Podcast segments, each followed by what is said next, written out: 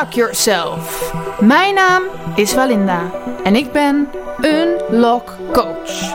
In deze podcast deel ik mijn levenslessen over zingeving, spiritualiteit, mindset, gezondheid, zelfontwikkeling, expressie, kunst en nog heel veel meer. Ook interview ik inspirerende mensen over deze onderwerpen. Dus luister je mee? Nou, ik ben wel benieuwd naar je levenslessen nu dan. Ja? Wat Ja. voor levensles wil je leren? Nou, weet ik niet. Jij zei dat je allemaal levenslessen Maar eh, nee, we gaan luisteren naar jouw levenslessen. Oh, maar ik zit nu op de Bijvoorbeeld, ja. Ja, zo zwaar kan het leven zijn. Mhm. Ehm, wie eh, heb ik eh, in mijn podcast? Ja, Je hebt mij in je podcast. Ik Ja. ben Joris. En eh, Ja, ik denk, ik zet er toch nog even iets naar voren, want anders klink ik veel te hard. ja, is het beter zo? Ik denk het. Kan We ook gaan het gewoon iets proberen. dichterbij zo eh, praten. Ja. Als jij beter? maar harder klinkt dan ik, want het moet natuurlijk niet allemaal om mij gaan. Niet? Nee. Oké. Nee, eh, ik ben Joris en ik ben eh, theatermaker, acteur en buschauffeur. en eh, ik ben 25 en ik ben eh, hier in de buurt opgegroeid. Ik woon inmiddels in Zwolle. En ehm, kan ik nog niet over vertellen. Weet ik even niet nu. Oké. En, ehm, want is dat je identiteit? Eh, theatermaker, acteur, buschauffeur? Nou, ik denk niet dat dat mijn identiteit is, maar dat zijn wel de dingen waar ik me het meest mee bezig hou. Oké. Eh, eh, dus ja, dat is, het is wel, het heeft me wel gevormd tot wie ik ben, laat ik het dan zo zeggen. Ja. Dus de dingen die ik nu doe, hebben me wel echt gevormd tot het, de mens die ik nu ben. En ehm, ben je dan, ja, hoe zeg je dat? Je werd wakker en je voelde je opeens een acteur. Of hoe, hoe ben je dat geworden, zeg maar? Of Nou, was je het altijd al? Hoe nee. zie je dat? Nou nee, ik denk niet dat ik, dat ik ineens acteur was. Ik denk dat het wel iets is wat altijd al in me heeft gezeten. En dat ik daar, omdat ik dat, ik dat leuk vond, dat ik daar veel mee bezig was. En eh, eh, toen kwam het op een bepaald moment ook echt op mijn pad dat ik dus eh, acteur kon worden. Ik ben op een bepaald moment heb ik gereageerd op een eh, vacature. En toen, toen was ik ineens acteur.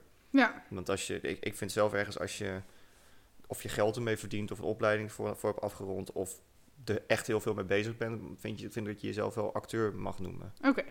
Nou, ik had dat wel, ehm, ik noem mezelf wel eens zangeres, zeg maar. Ehm, en dat durfde ik vroeger eigenlijk helemaal niet. Maar toen kwam ik allemaal van die wet van aantrekkingskracht coaches tegen. En die zeiden van, als je jezelf al zo noemt, dan gaan mensen je ook zo zien. En dan krijg je ook eerder optreden aanvragen, zeg Ja, maar. precies.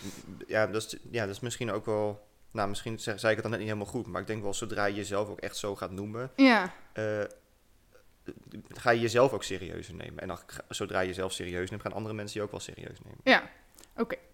Ehm, maar goed, dat spreekt eigenlijk tegen wat je daarvoor Ja, klopt. Ja, Maar Ja. het is ook niet zo zwart-wit, denk Nee, ik. nee, nou ja, ik vind het wel interessant waarom ik mezelf wel nu daarin tegenspreek.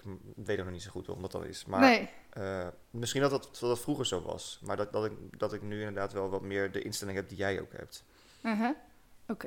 Ja, want er zijn heel veel mensen die, die, die. Nou, nee, ik, weet, ik weet al waar het in zit. Ik denk dat, dat nu dat, dat ik die, die instelling had willen hebben die jij nu hebt van als je jezelf dus eh, zo noemt. Als, Mhm. als, ik, als ik mezelf al vijf jaar geleden acteur had genoemd, dan eh, had ik mezelf ook misschien wat eerder serieus geno- genomen. En nu, ik durf het nu pas te zeggen eh, sinds dat ik er voor betaald krijg ook. Oké.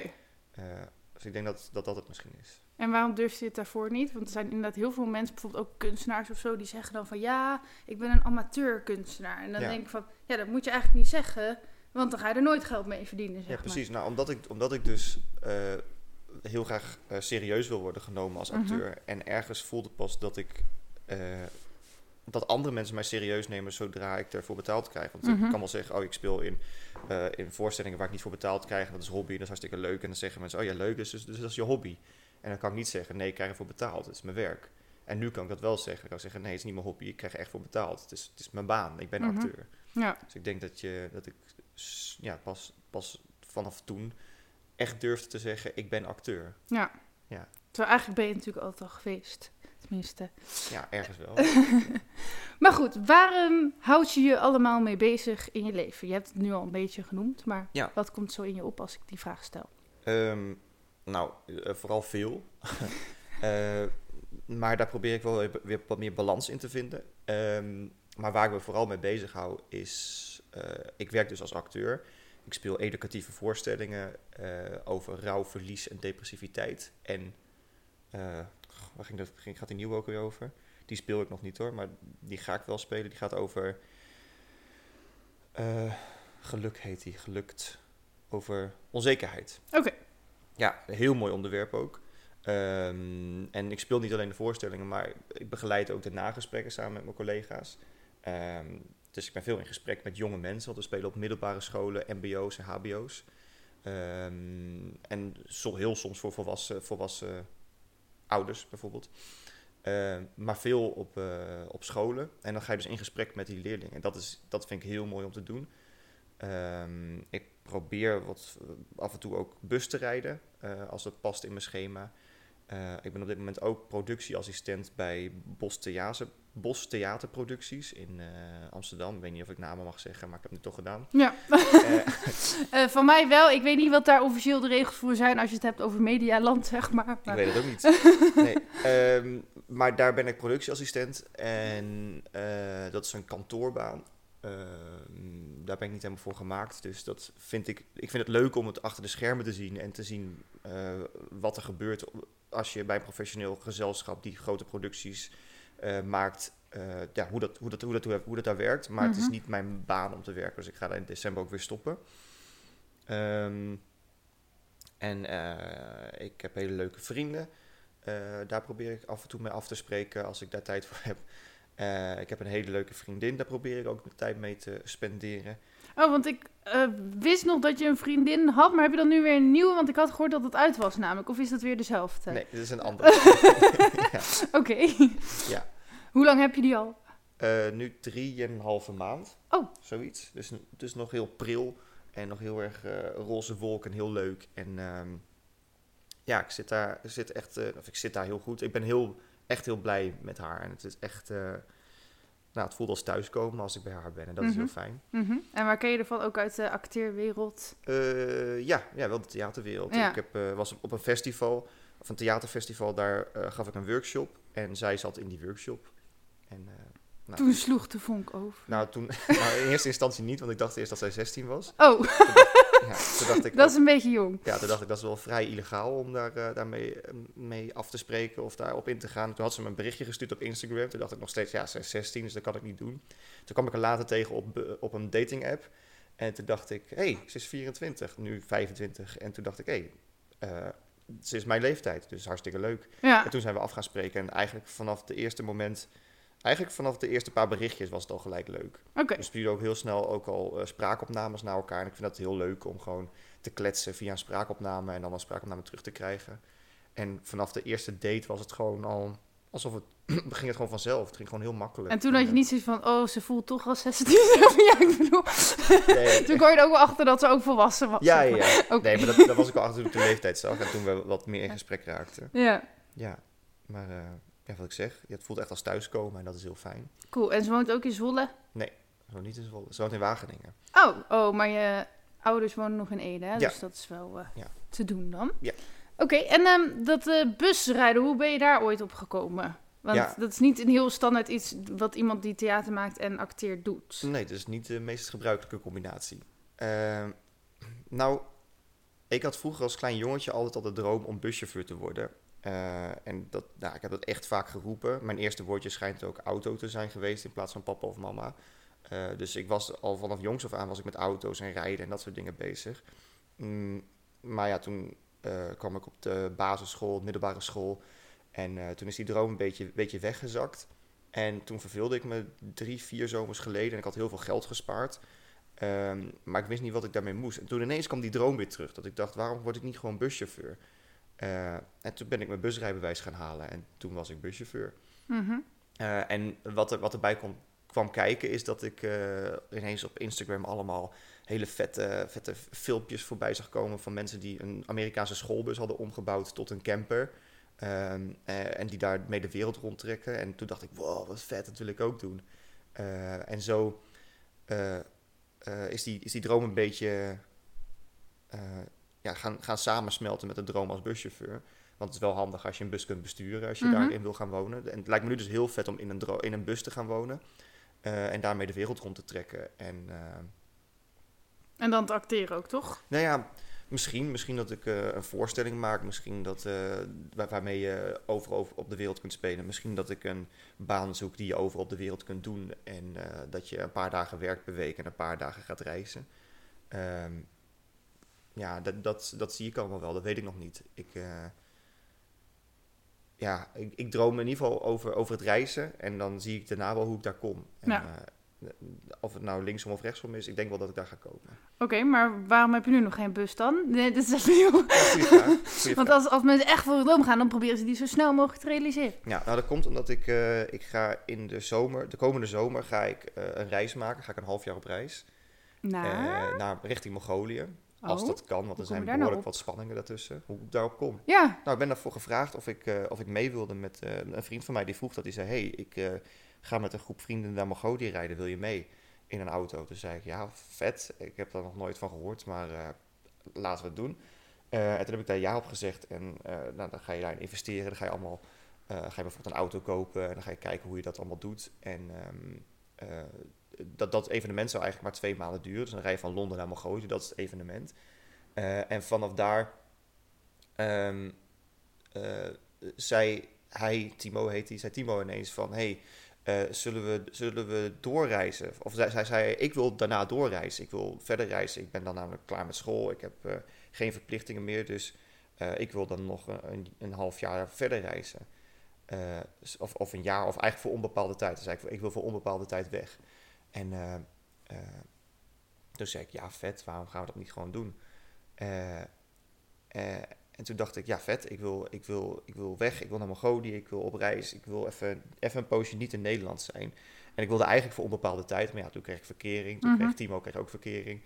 en eh, Maar toen, toen gingen jullie nog steeds, toen gingen we nog steeds, toen was het, was het eerst nog steeds voor onbepaalde tijd en dan zien we wel hoe we doen met de meisjes. Eh, maar ja, dat kan natuurlijk ook niet. Je kunt niet een relatie ingaan en zeggen, ja, we zien elkaar eh, voor onbepaalde tijd niet. Toen werd het, werd het een jaar, toen dacht ik, ja, ik vind een jaar veel te lang. Dus nu is het uiteindelijk een half jaar geworden, wat nog Mhm. steeds heel ver, vet en heel lang is. Mhm. Ehm, maar de reden dat ik nu, dus nu nog geen bus heb, is omdat ik eh, op dit moment niet verder kijk tot aan de reis. Oké, Ik wil eh, mijn leven dus tot aan de zomer leven zoals ik dat nu doe. Misschien dat ik nog een nieuwe baan ergens zoek als docent. Eh, want nou ja, wat, bij, wat ik net zei, die theaterproducties, dat gaat weer wegvallen na december. Maar misschien dat ik dan dus nog een poosje daarmee bezig ben. Maar tot aan juli ga ik niet iets nieuws doen. En in juli ga ik weg, ben ik een half jaar weg. En dan kom ik in januari, februari terug. En dan zie ik wel hoe ik mijn leven ga vormgeven. ja. Oké. Eh, ja, dus dat is heel lang het antwoord op eh, waarom ik nog geen bus heb. maar ik denk dat er daarna heel snel een bus of een busje komt. Leuk. Even kijken hoor. Mm, je hebt nu heel veel dingen verteld. Ja, de volgende vraag is: Wat is jouw missie op deze aarde? Ja, Voor ja. zover je daarin gelooft. Nou, ik, heb, eh, ik had eh, een paar stukjes van je podcast Ja. geluisterd net. En deze vraag kwam voorbij. Toen dacht ik, wow, ik vind het eigenlijk best wel een moeilijke vraag om antwoord op te geven. Aha. Ehm, Maar het is misschien, je kan het zien als eh, een goddelijke roeping of eh, iets wat voorbestemd is, maar je kan ook gewoon je missie zelf kiezen. Dus het hoeft helemaal niet zo heel. nee, nee, maar ik zie het ook niet per se als een goddelijke of een hogere machtige roeping. Oh, ik dacht dat je een aartsengel was die de wereld kwam redden. Ja, dat mag je niet vertellen, want dan ontplof je. ja. Eh, mm, nou, ik heb er dus een poosje over nagedacht. En toen dacht ik, ja, ik, ik heb iets, eh, iets in me dat ik heel graag voor mensen wil zorgen. Eh, en heel graag eh, mensen wil helpen. Als ik een, nou, een hulpeloos iemand vind ik ook zo raar om te zeggen. maar als ik iemand zie waarvan, die, die, waar ik om geef en waarvan ik denk, oh, ik zou jou kunnen helpen, dan wil ik dat ook gelijk doen. Ja, Ehm, eh, maar je kunt niet iedereen helpen. Nee. Dat vind ik, en dat vind ik heel erg jammer. Maar ik denk wel ergens dat ik, dat ik hier ben eh, op de aarde eh, om met mijn talenten eh, mensen te kunnen helpen. Ja. En dat zie ik bijvoorbeeld in het werk dat ik doe, bij die educatieve voorstellingen die ik speel. Want ik zie echt dat we elke keer wel iemand aanraken, figuurlijk gezien. Om, als, je, als, je, als je die voorstellingen speelt, dus je, je bent elke keer ben je, eh, ben je in gesprek met leerlingen. En die leerlingen die ehm, zitten gewoon echt ergens mee. En elke keer, nou b- bijvoorbeeld die voorstelling over, eh, Nou, ben ik weer het thema kwijt. Over gelukt. Ja, gelukkig zijn, maar dan... Oh ja, over onzeker zijn. Oh ja, ja. Daar zit in het nawerk zit op een bepaald moment zit de vraag... wie is er wel eens onzeker? Ga staan als je onzeker bent. En als je wel eens onzeker bent. En iedereen gaat dan staan, want iedereen is wel eens onzeker. Ja. Ehm, en, en dat is zo mooi dat je dan ineens jonge mensen, iedereen om hen heen ziet, ziet gaan staan voor hun onzekerheid. En dat je echt denkt, dat je, dat je ze echt voor het eerst ziet denken, huh, ik ben niet de enige die onzeker Ja. is. Eh, zelfs de docenten gaan staan. Dat ze zeggen, huh, maar jij bent toch een docent? Je bent toch wel eens je bent toch nooit onzeker? Je hebt je leven toch al voor elkaar? Dat ze echt zien van, het is niet raar om onzeker te zijn. Of het is niet raar, als het gaat over rouw, om verdrietig te zijn. Het is niet raar om eh, niet te weten wat je moet doen. Ehm, Mhm. En eh, dat zou ik wel, in alles wat ik doe, eh, zou, ik daar, ja, zou ik daar iets mee willen doen. Dus nou, als, als acteur met, met die talenten die ik daarvoor heb gekregen, eh, doe ik het op die manier. Maar stel ik zou gaan reizen, zou ik echt wel om me heen. ehm, nou, ik weet niet hoe dat, hoe dat zich vormgeeft, maar zou, ik ga zou niet gaan reizen alleen voor mezelf. Ik wil wel in contact komen met de mensen om me heen en daar Ja. iets voor kunnen doen. Ehm, ik ga niet, eh, niet de toerist uitlopen hangen voor een beetje de toerist uitlopen te hangen. Nou, maar af en toe is dat natuurlijk ook leuk, toch? Tuurlijk, tuurlijk, tuurlijk mag je echt wel een beetje consumeren. En tuurlijk mag dat ook echt wel. Ik zeg ook niet dat je, dat je dat niet moet doen, maar dat is wel wat ik heel graag zou willen. Ja. Ik wil wel dat mijn reis betekenis heeft voor iemand anders. En, maar ik vind, op zich vind ik acteren en theater, dat vind ik wel een hele mooie vorm om mensen te helpen. Omdat je laat iets zien en, en, en daarmee gebeurt er eigenlijk vanzelf al in mensen, eh, verandert er als het goed is al iets. Als het tenminste een goed stuk is en je speelt het goed. Ehm, maar ja, bijvoorbeeld wat je heel vaak ziet bij, ik weet niet hoe ik daar nu op kom, maar verpleegkundigen bijvoorbeeld. Die gaan eh, nou ja, in een ziekenhuis dat, is dat heel handig, dat ze voor iemand gaan zorgen en alles voor je doen, want anders lig je niet in een ziekenhuis. Mhm. Maar heel vaak zijn die types ook mensen die alles voor iemand gaan doen, ook in andere situaties. Ja. Maar daarmee help je iemand dan weer niet echt, zeg maar. Nee. Ehm, hoe zou jij dat zien op reis? Het is een beetje een vage vraag, maar dat komt zo in me op. Dus, dus hoe eh, help jij in ieder geval mensen? Ehm, nou, ik ben er niet bewust mee bezig. Nee. Ik denk dat dat soort dingen heel vaak eh, om, op, ja, om op pad komen. Ehm, mm, ja, ik, eh, er zijn zoveel voorbeelden. Dus dan moet ik gewoon een, gewoon een voorbeeld Ja? noemen. Nou, er was een, een vriendin van mij die, die heeft, heeft een poosje een hele lastige situatie gehad met haar ouders. Eh, en die vertelde daar vaak over. En die. ehm, eh, daar, ik wist gewoon nooit zo goed wat ik, wat ik daarmee moest en eh, hoe ik haar daarin kon helpen, behalve dan gewoon te luisteren. En dat helpt natuurlijk ook. Dat, Mhm. Dan doe je ook al heel veel door gewoon te luisteren. Ja. En een soort klankbord te zijn, dat is ook helemaal prima. Ehm, maar toen was zij aan het zeggen dat ze, dat ze heel graag eh, haar, dat huis uit wilde en dat ze, dat ze daar niet meer wilde wonen. En toen dacht ik, ja maar hoe, hoe ga je dat doen? Want je hebt geen geld, het was nog op de middelbare school of misschien net de eerste van de, van de opleiding. Dus dat, dat, je kunt gewoon, gewoon niet zomaar eh, ineens bij je ouders weggaan als je daar ook geen geld voor hebt, want ze had ook geen baantje en nou ja, dat soort dingen. Tenminste, volgens mij was dat zo. Het is best wel lang geleden dit Mhm. hoor. Ehm, en eh, toen bedacht ik me ineens dat ik bezig was, dat, dat ik op mezelf woonde en dat ik gewoon ergens anders kon wonen. En dat mijn ouders eh, nog wel een kamer vrij hadden, want daar kon ik ook wel slapen. Maar ik was toch niet zo vaak meer bij mijn ouders. En als ik dan wel bij mijn ouders zou zijn, dan zou ik wel op de bank slapen of zo. Mhm. En toen heb ik tegen haar gezegd, maar zou, je, zou ik vragen aan mijn ouders of, ze, of je bij hun kunt wonen? Nou ja, niet rekening ermee gehouden dat mijn ouders dan ook iemand anders in huis krijgen die ze helemaal niet kennen en dat soort dingen. Maar, maar toen kwam dat ineens in me op en toen dacht ik, ja, waarom, waarom zou ik dat dan niet zo goed doen? Dus ik denk dat je echt niet over, als je iemand wil helpen, hoef je er echt niet over na te denken. Dat soort dingen komen op je pad en, eh, nou, ik weet niet zo goed waar ik naartoe wil met dit verhaal. Nee. Maar wat ik bedoelde met mijn vraag, maar is misschien ook weer een beetje invullen. Maar ehm, soms kan je ook iemand. Ehm, dan denk je dat je iemand helpt, maar dan help je diegene eigenlijk juist niet. Bijvoorbeeld, in dit geval zou het bijvoorbeeld zo kunnen zijn dat doordat jij haar hebt geholpen, zij minder zelfstandig is om te zorgen dat- hoe ze zelf aan een huis komt. Ja, Ik roep maar iets. ja. maar dat, daar ben jij nooit bang voor of zo. Nee, want eh, ik laat de keuze dan wel bij iemand anders. Ik zeg van, dit is het aanbod, dit zou je kunnen doen. Eh, ik, ik ga er niet dan bij de hand pakken en Nee. zeggen, kom, we gaan nu dit doen. Ik ga dit voor je doen. Ja. Ik zeg wel altijd van, hé, hey, we kunnen dit doen, ik wil je erbij helpen. Maar eh, je moet er zelf voor kiezen. Oké, even kijken hoor. Ehm, ja, ik had ehm, ook nog op eh, de social media... had ik dus een foto van jou geplaatst en... nou ja, dat je langskwam. Oh, we En- vragen gekregen. Ja, maar het waren alleen maar vragen van mijn moeder. oh, ook leuk. Dus dit zijn de vragen van mijn moeder. Ja, leuk. Ehm, wat bewoog jou om vegetarisch te worden?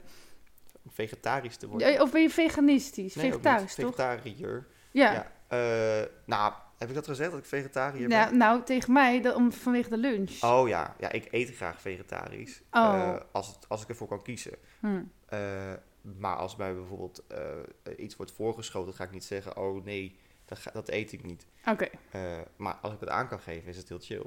Dus ik eet graag vegetarisch. En wat het, wat mij bewoog? Ehm, nou, dat ik eh, eh, ergens dacht dat het beter was om vegetarisch te gaan eten. Ik heb er eigenlijk niet zo heel veel over nagedacht. Eh, wat me wel heeft overgehaald, is dat ik om me heen heel veel mensen vegetarisch zag eten en geproefd heb wat die mensen aten. En dat ik die mensen aten, of het een soort van buitenlandse cultuur is.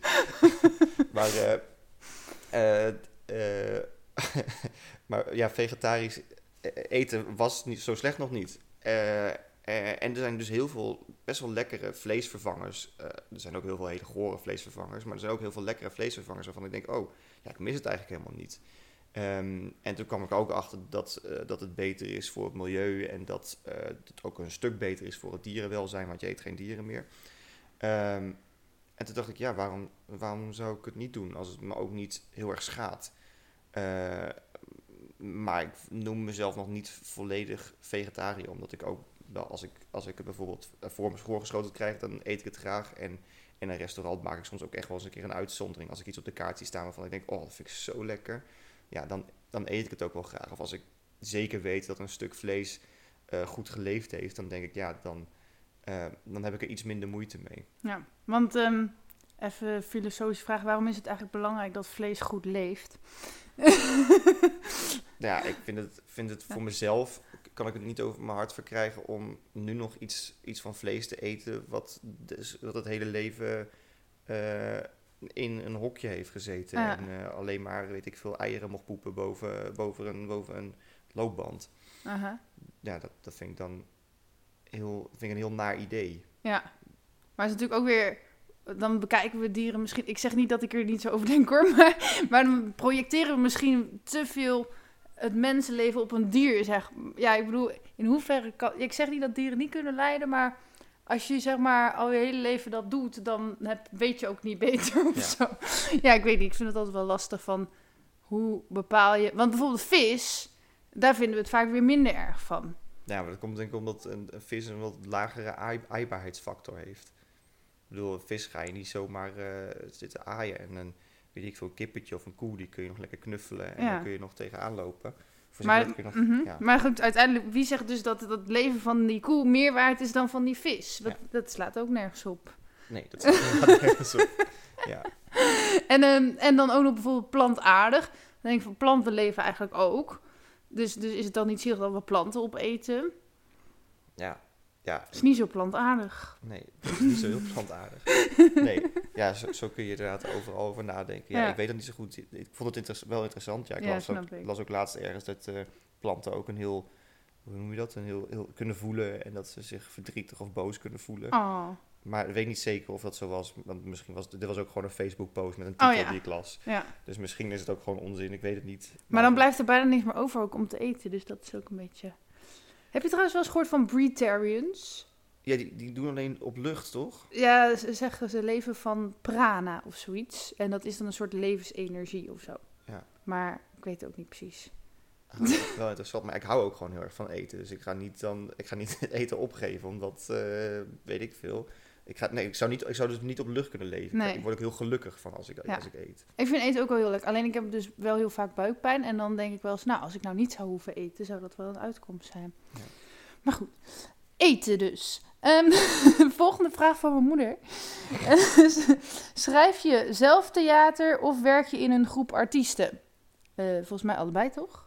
Allebei. Nou, wat ik zeg, ik werk dus als acteur. Mhm. Ehm, M- Maar eh, ik maak ook wel eens, eh, nou bijvoorbeeld voor mijn afstudeervoorstelling, die is in eh, juli geweest, of juni, weet ik even niet meer. Daar, daar heb ik, die heb ik zelf geschreven, samen met de spelers.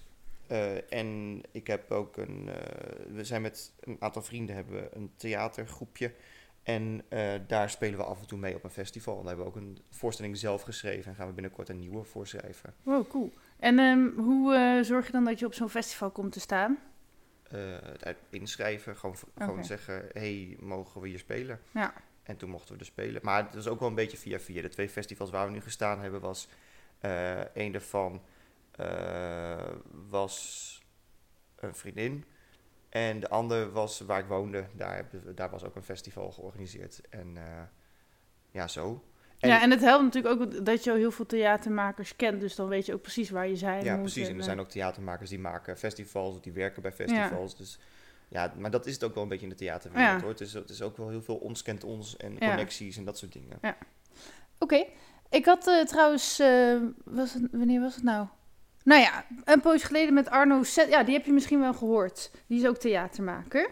Ken je hem trouwens of niet? Je hebt zijn naam niet helemaal gezegd. Arno Sets. Nee, ken ik niet. Nou, die is een theatermaker uit Ede.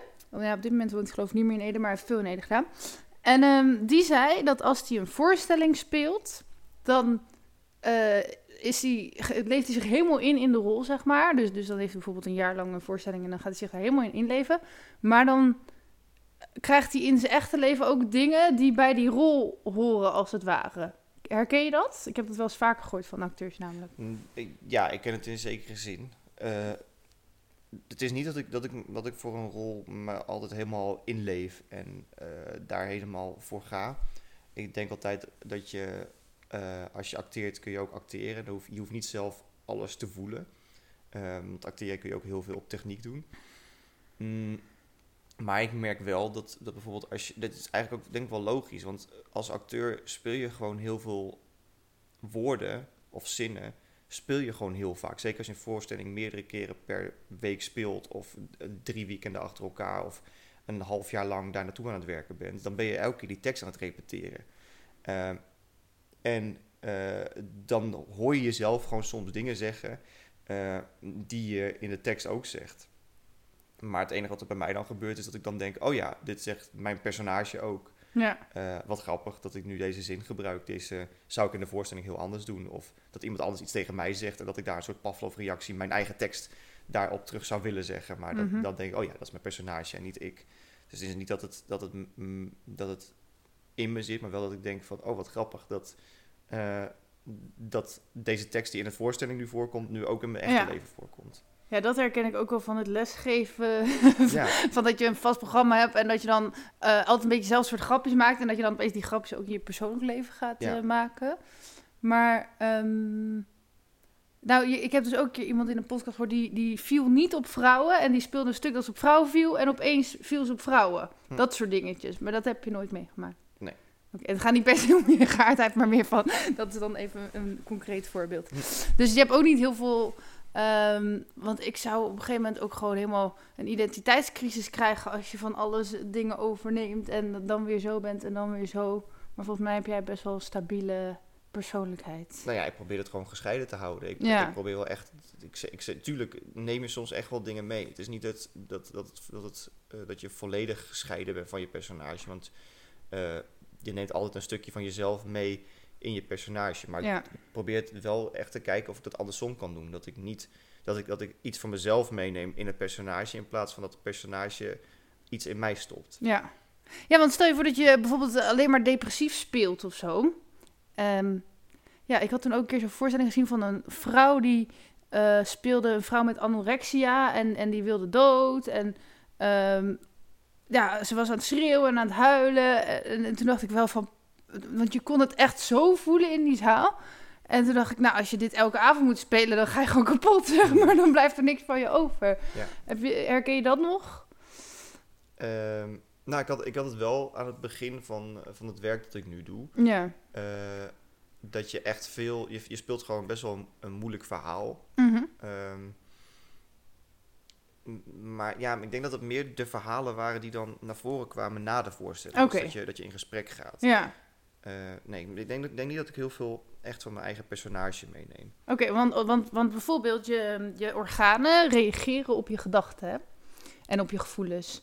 Dus, dus als je dan zo'n hele heftige rol hebt, kan het best zijn, dat, eh, dus je hebt een hele gestreste rol, dan krijg je bijvoorbeeld stressklachten in je eh, lichaam omdat je die rol speelt. Maar nou ja, gelukkig Nee, heb jij dat nee, allemaal niet. Ja, dat zou kunnen, maar het is niet dat je, dat je de hele dag door je personage aan het zijn bent. Het Nee, is niet dat je, nee. dat je, dat je 24 uur per dag eh, bezig bent met je rol. Je bent, het, is ook gewoon, eh, het is ook gewoon je werk. Ja. Eh, en ik probeer dat, dat wat, ik, wat ik net volgens mij probeerde te zeggen, ik weet niet of ik dat al zei, maar Ja, dat, dat ik echt dat gescheiden probeer te houden. Ja. Als, ik, als ik uit de repetitieruimte stap of uit de voorstelling stap, ben ik weer mezelf. ja, Ehm, en ik heb ook heel veel vrienden om me heen die echt wel bij, bij me blijven checken van... hé, hey, wat doe je nou raar? Wat, is, wat, wat doe je nou voor iets geks? Ja. Eh, dus als ik iets out of character doe voor, voor mezelf... dus Mhm. als ik ineens mezelf anders gedraag... dan gaan er echt wel vrienden tegen mij zeggen... wat doe je raar? En, en is dat erg dan als je je opeens anders zou gedragen? Nee, helemaal niet. Het, is wel, het is wel een realiteitscheck. Dus het is wel, eh, dan kan ik tegen mezelf zeggen: Oh, ben ik dit zelf? Of is het dan, dan een, een karaktertrek van mijn personage die ik, die ik nu meeneem?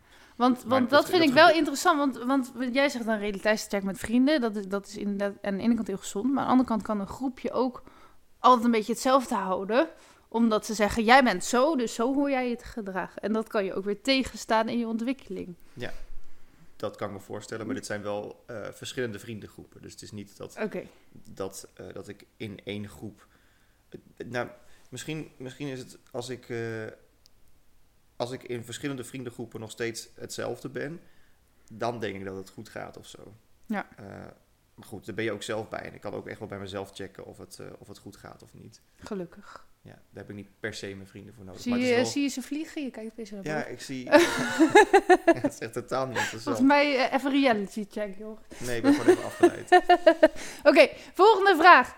Want ehm, ik vind het. eh, ja, oh ja, ik wilde alleen nog zeggen, als ik bijvoorbeeld bij een callcenter werk of zo en ik ga dan daarna voor mijn privé bellen, dan kan het zelfs zijn dat iemand mij belt en dat ik dan op het eind zeg: En eh, heeft u verder nog vragen? Ja, ja, oh ja, dat, dat is wel heel herkenbaar. Ja, dat zijn gewoon zinnen die je zo vaak zegt. Dat Ja. gewoon een soort Dat je gewoon iemand helemaal overneemt terwijl diegene eigenlijk de leiding had over het gesprek. Ja.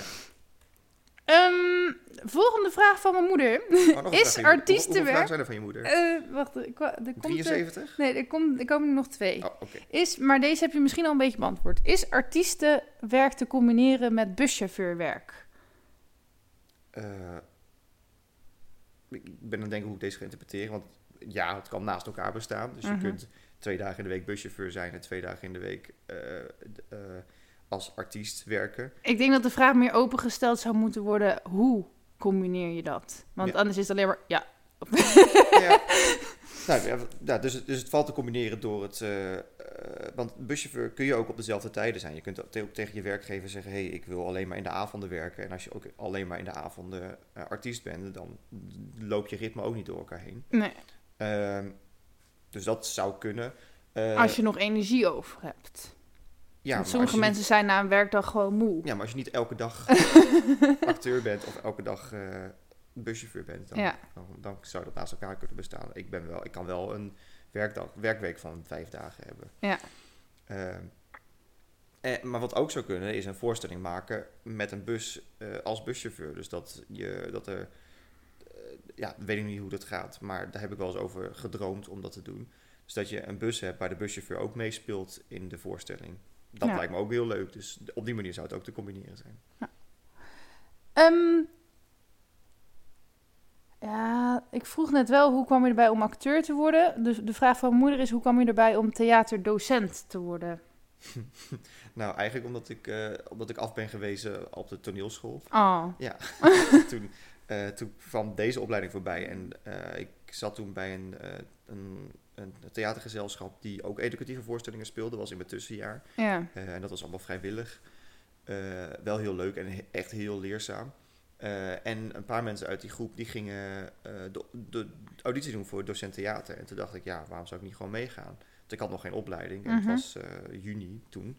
Of mei geloof ik zelfs al. Pas.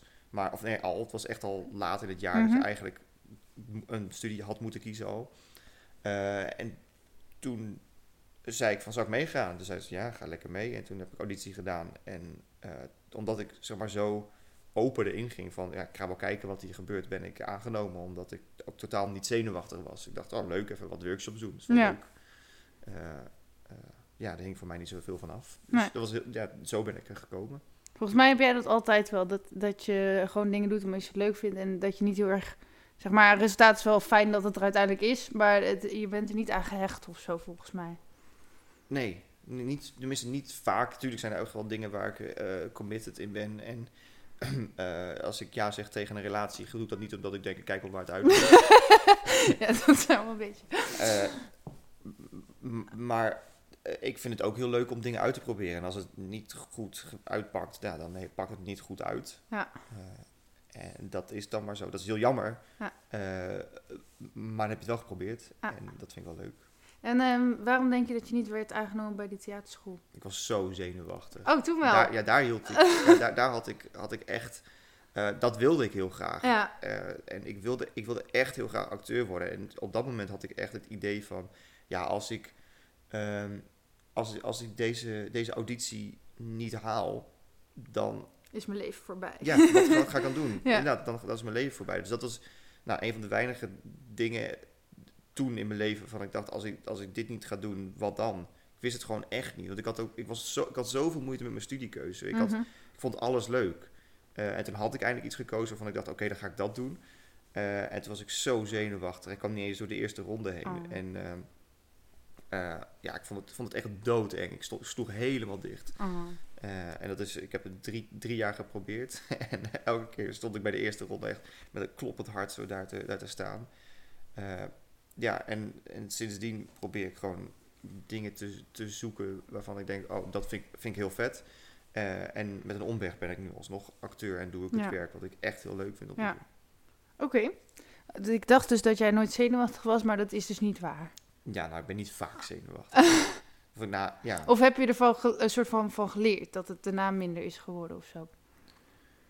Mm, ja, nou, ik denk dus wel dat het daardoor, daarna inderdaad minder is geworden. Omdat ik merkte dat eh, als je er zoveel, zo, eh, zoveel druk op legt. Dus als je echt denkt, dit is het enige in mijn leven dat, dat ik kan doen. En als ik, als ik dit niet word, dan eh, ben ik gefaald of weet ik veel wat. Dan, ehm, eh, als je er zoveel druk op legt, dan, dan gaat het ook niet lukken. Voor mij lukt het niet. Ik word dan, word dan zo zenuwachtig. Ja, maar dat is volgens mij echt bij alles. Zeg maar, je hebt toch die uitdrukking van als je zand in je hand doet en je gaat heel hard knijpen, dan gaat het zand uit je handen. Volgens mij is dat met werkdingen zo, met relatiedingen zo. Ja. Anders, Want als je zeg maar met je relatie diegene helemaal gaat stalken, dan jaag je diegene ook weg. Ja, precies. En, en daarna heb ik echt wel, dacht ik van, eh, van, het maakt niet uit. Nou, ik heb heel veel vrede gekregen daarna. Het is heel snel gegaan. Daarna heb ik heel snel vrede gekregen met dat je op een andere manier ook wel komt waar je wilt komen. Ja. Eh, eh, en of je er nou linksom komt of rechtsom, je, je, ja, je, je komt er wel. Als je het echt heel graag wilt, dan gaat het echt wel lukken. Ja. Maar wat ik, waar ik zelf soms een beetje mee struggle is. ehm, soms heb je iets uitgedacht in je hoofd hoe, hoe iets zou moeten zijn, zeg maar. Dit is een heel breed eh, idee. Maar, en dan, ga, nou ja, dan kom je met andere mensen samen. En dan gaat het natuurlijk niet 100% zoals jij het in je hoofd had bedacht. Ehm, maar ergens is het ook weer leiderschap als je dan gaat zeggen: het moet wel gaan zoals ik heb bedacht. Want anders kan je het net zo goed niet bedenken. Ehm, maar die, die balans vind ik altijd lastig. Hoe, hoe doe jij dat? Dus dat je wel ongeveer je zin krijgt, maar dat, het, dat je ook nog vrede hebt met dat het een beetje anders gaat. Ik denk dat het heel erg afhankelijk is van de situatie. Ja. Ik bedoel, als ik docent ben Mhm, eh, eh, en ik sta voor een klas mhm. eh, en ik heb een lesprogramma bedacht en er gaan leerlingen lopen keten, ja, dan, dan moet je ingrijpen en, en aanpassen hoe het gaat. Eh, maar als ik met een vriendengroep ergens naartoe ga en ik, en ik heb bedacht van hé, hey, eh, we gaan met z'n allen naar de film vanavond. Eh, dat heb ik in mijn hoofd bedacht, dat Ja. heb ik niet uitgesproken. Van nee, we gaan vanavond met, met z'n allen naar de film en daarna gaan we zuipen en dan gaan we de kroeg in. Eh, en er is iemand anders die denkt, oh, we gaan alleen even lekker naar de film en daarna gaan we lekker rustig naar huis. Dan kan ik wel aan iedereen gaan lopen trekken van kom, we gaan de kroeg in. Ja. Maar dat heeft dan geen zin. Nee, maar in die situatie doe ik het denk ik ook niet zo snel. Ja, ik weet niet. Ik kan soms gewoon, als ik echt iets wil, kan ik soms zo graag iets willen. eh, Dat, eh, ja, en dan werkt niemand precies mee zoals ik het wil, zeg maar. Hmm. Oh. Ja, ik vind het zelf eigenlijk altijd wel leuk als iets niet loopt zoals het hoort. Echt? Ja. Oh. En eh, kijk, heb, je, heb je een voorbeeld wanneer je het leuk vond en waarom? Eh, nou, eigenlijk ook wel eh, toen ik stage... Ja, niet, nee, ik denk niet dat het bij een stage was. Maar toen ik wel eens... Ik heb wel echt wel veel les gegeven ook. Mhm. En ook wel... Nou, bijvoorbeeld bij een nagesprek van, eh, van, van mijn werk. Ja. Eh, als, ik daar, als het daar een keertje helemaal uit de klauwen loopt, dan... nou, niet uit... Nee, wacht even. Ik ga even het voorbeeld beter schetsen. Ja. Je hebt wel eens dat, dat, dat bij zo'n nagesprek, dat is, het- daar is het gewoon belangrijk dat er een veilige sfeer is. Het Ja. is gewoon echt belangrijk dat je, dat je kunt zeggen wat je wil en dat je... ehm, eh, eh, dat, dat er niet om uitgelachen wordt of dat soort dingen. Mhm. En het gebeurt echt best wel vaak dat een klas daar heel erg. eh, ehm, dat het dat, het dat, dat niet kan. Er is gewoon een onveilige sfeer. Ja. Er wordt gepest in de klas of weet ik veel wat. Je weet Mhm. niet precies waar het aan ligt, maar je merkt gewoon echt dat het, dat het er niet is.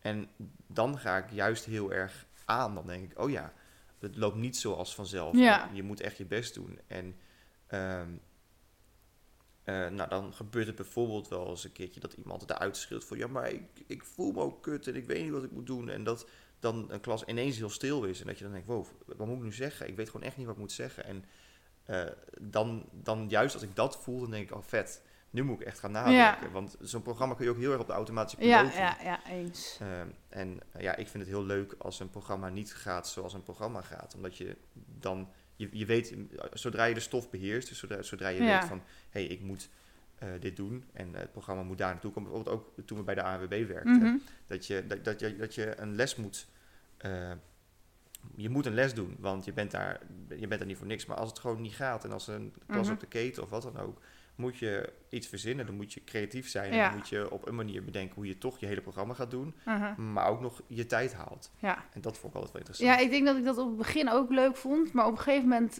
eh, gewoon niet meer. nee, want ik vind het dus... Dus eerst vond ik het een uitdaging als, als mensen niet mee willen werken, zeg maar. Maar op een gegeven moment kost het je zoveel energie dat je denkt... Nou, werk nou gewoon een keer mee, joh. ja, zoiets. Maar goed. Ehm, even kijken. Maar het is ook wel. Maar ik, het gaat ook over. Ik ben natuurlijk een persoon die altijd mijn sleutels kwijt is. En altijd mijn. Weet ik veel, telefoon kwijt is. en, en dit is vergeten. eh, Of die afspraak. En dan kan ik soms daar ook weer van. "Ah, Waarom kan het nou nooit gaan zoals ik het heb bedacht, zeg maar. Maar nu probeer ik dan altijd. Want ik ben dus ook een theatershow aan het maken. En dan denk ik altijd van. Oké, alles wat fout gaat in mijn leven. kan ik in die theatershow vertellen. Dus zo probeer ik het dan maar positief te zien. nou, zeg maar. precies. Dat is, toch, ja, dat is wel leuk dat je dat dan daarvoor gebruikt. Ja.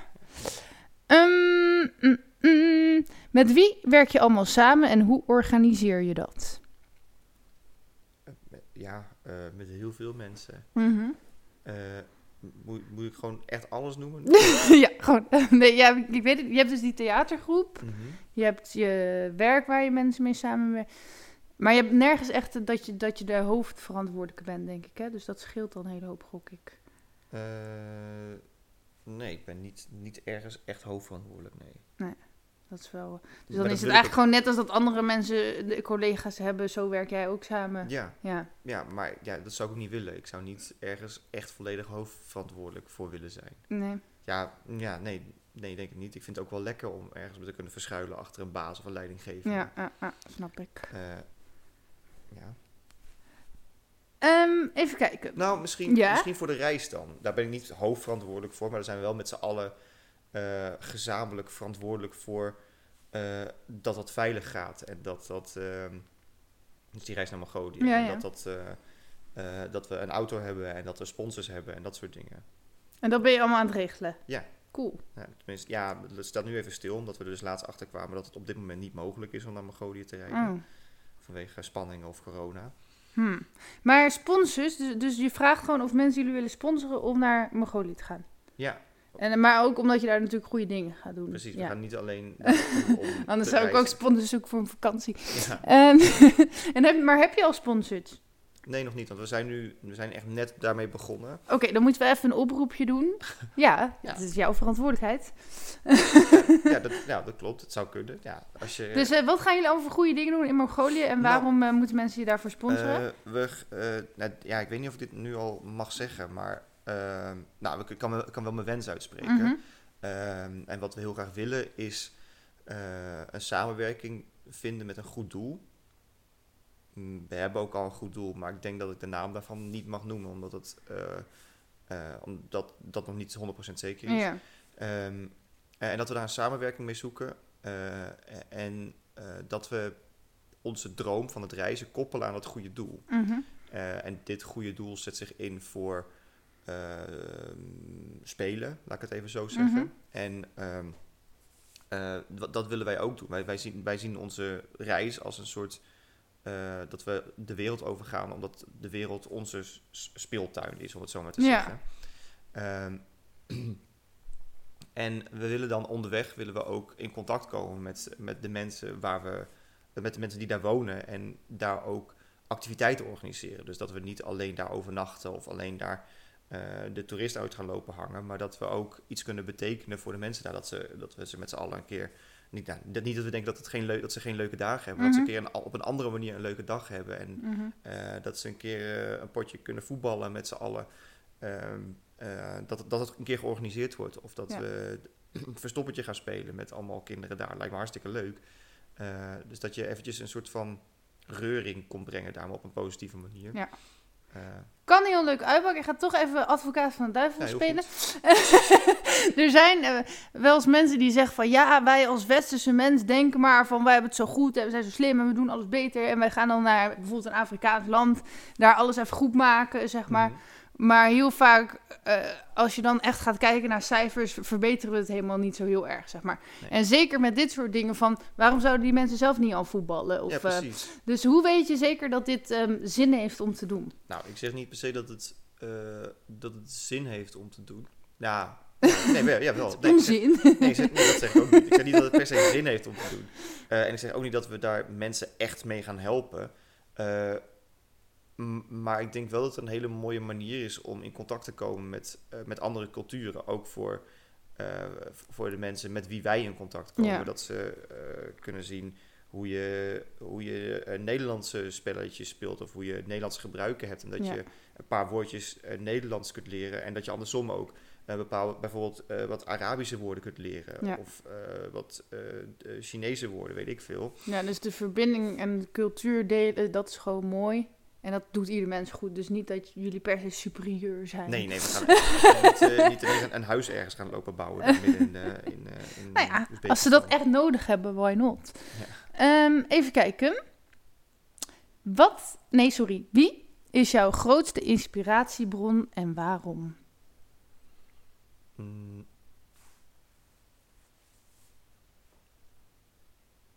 Ja, deze vraag hebben we heel veel op de opleiding gekregen. en ik kon er eigenlijk nooit echt een antwoord op geven. Omdat ik dat niet zo goed... Ja, ik weet het gewoon echt niet zo goed. Ik ben niet zo snel geïnspireerd door iets. ehm, maar als ik dan toch een mooi vaag antwoord mag geven, is het denk ik eh, de ander. En ehm, gesprekken. eh, en vooral ongemak in gesprekken. Daar kan ik heel erg, op, heel goed, op, heel goed, heel erg van genieten en eh, heel goed opteren. Eh, dan kan je een voorbeeld noemen van een ongemak in een gesprek waar je van geniet. Nou, ik kan, er, ik kan er heel erg van genieten als een, eh, als een gesprek doodvalt. Ja, En als dan iemand heel erg zijn best gaat doen om de stilte op te vullen. Ja, daar ben ik heel goed te- Daar kan ik heel erg van genieten, want ik vind het soms ook lekker. Op, ik vind het niet erg als een gesprek Nee. doodvalt. Want als je, als je al comfortabel bij elkaar bent, ja, eh, Tuurlijk, als je oncomfortabel bij elkaar bent, Ja. wordt het een stuk lastiger. Stel je bent op een eerste date en het gesprek valt dood, is toch lullig. uh-huh. Eh, maar ik vind het soms ook wel lekker om gewoon eventjes, eventjes stil te zijn. En even naast elkaar of tegenover elkaar te zitten. En uh-huh. eh, te genieten van dat je samen in een ruimte bent en lekker stil bent. Oké, maar heb, voel je dan niet dat ongemak die iemand anders kan hebben soms? Eh, jawel, tuurlijk. Ik ben, ik, ben, ik ben ook niet een soort van heilige die nooit ongemak. Maar je Ja. vindt het ergens leuk. Ja. Hm. ja, ja I've, eh, ik, I've learned to love it. Zo. Ja, ik weet niet wat het is, maar ja, ik ga daar gewoon goed op. ik vind het gewoon heel lekker. Dat is denk ik ook waarom ik, eh, waarom ik lesgeven eh, soms zo leuk vind. Want als docent ben je altijd de, boomer, om het zo maar te zeggen. Je bent altijd degene die, die, die het net even wat anders doet dan de hele groep samen. ja. Want die groep zit gewoon samen de hele dag door. Dus als jij ehm, een grapje maakt die niet valt, gaat de hele klas echt zo zitten. Oh, wat een rare docent. Mhm. Oh, die gast is raar. En dat vind ik leuk. Dat vind ik juist heel grappig. Want Ja. pubers die zijn heel, heel eerlijk en Ja. heel, eh, heel heftig daarin ook. Die zeggen, Ja. meneer, je bent echt, maakt echt een rare grap. Eh, en ja, dat vind ik dan gewoon... Ja, ik weet niet, ik vind dat gewoon heel lekker. Dan denk ik, ja, dat klopt. En heb je nooit dat... ehm, ik heb dat zelf wel een beetje dat ik eigenlijk heel graag aardig gevonden wil worden, zeg maar. En nou, pubers vinden je per definitie niet aardig, dat weet ik ook wel. Alleen, soms... ja, hoe zeg je dat? Dus, dus op zich, eh, wat, waar doe ik nog moeite voor? Maar, maar heb jij dat niet, dat gevoel? Dus als, als jij dan heel streng ergens in bent of zo... Dat, ehm, dat ze dat echt zo ja, allemaal een eikel vinden. Eh, Heb je daar, vind je dat dan leuk? Of je- hoe ga je daarmee om? Nee, ik vind dat niet leuk. Nee. het niet leuk als iemand mij een eikel vindt. Maar ehm, ja, daar valt ook niet zo heel veel aan te veranderen. Nee. Dat, is, dat is het gevoel dat iemand richting jou heeft. En eh, als jij gewoon jezelf bent en de meeste mensen vinden je niet een eikel, dan vraag ik me af of het aan mij ligt of aan de ander dat Ja. hij mij een eikel vindt. Maar ik vind soms die, die energie van mensen die, die... Ja, hoe zeg je dat? Ik heb zelf altijd goede intenties. En als mensen dan ervan uitgaan dat je alleen maar slecht wil doen of zo... Die energie kan ik niet zo goed hebben of zo. Ja. ja, dat vind ik ook heel vervelend. Ja.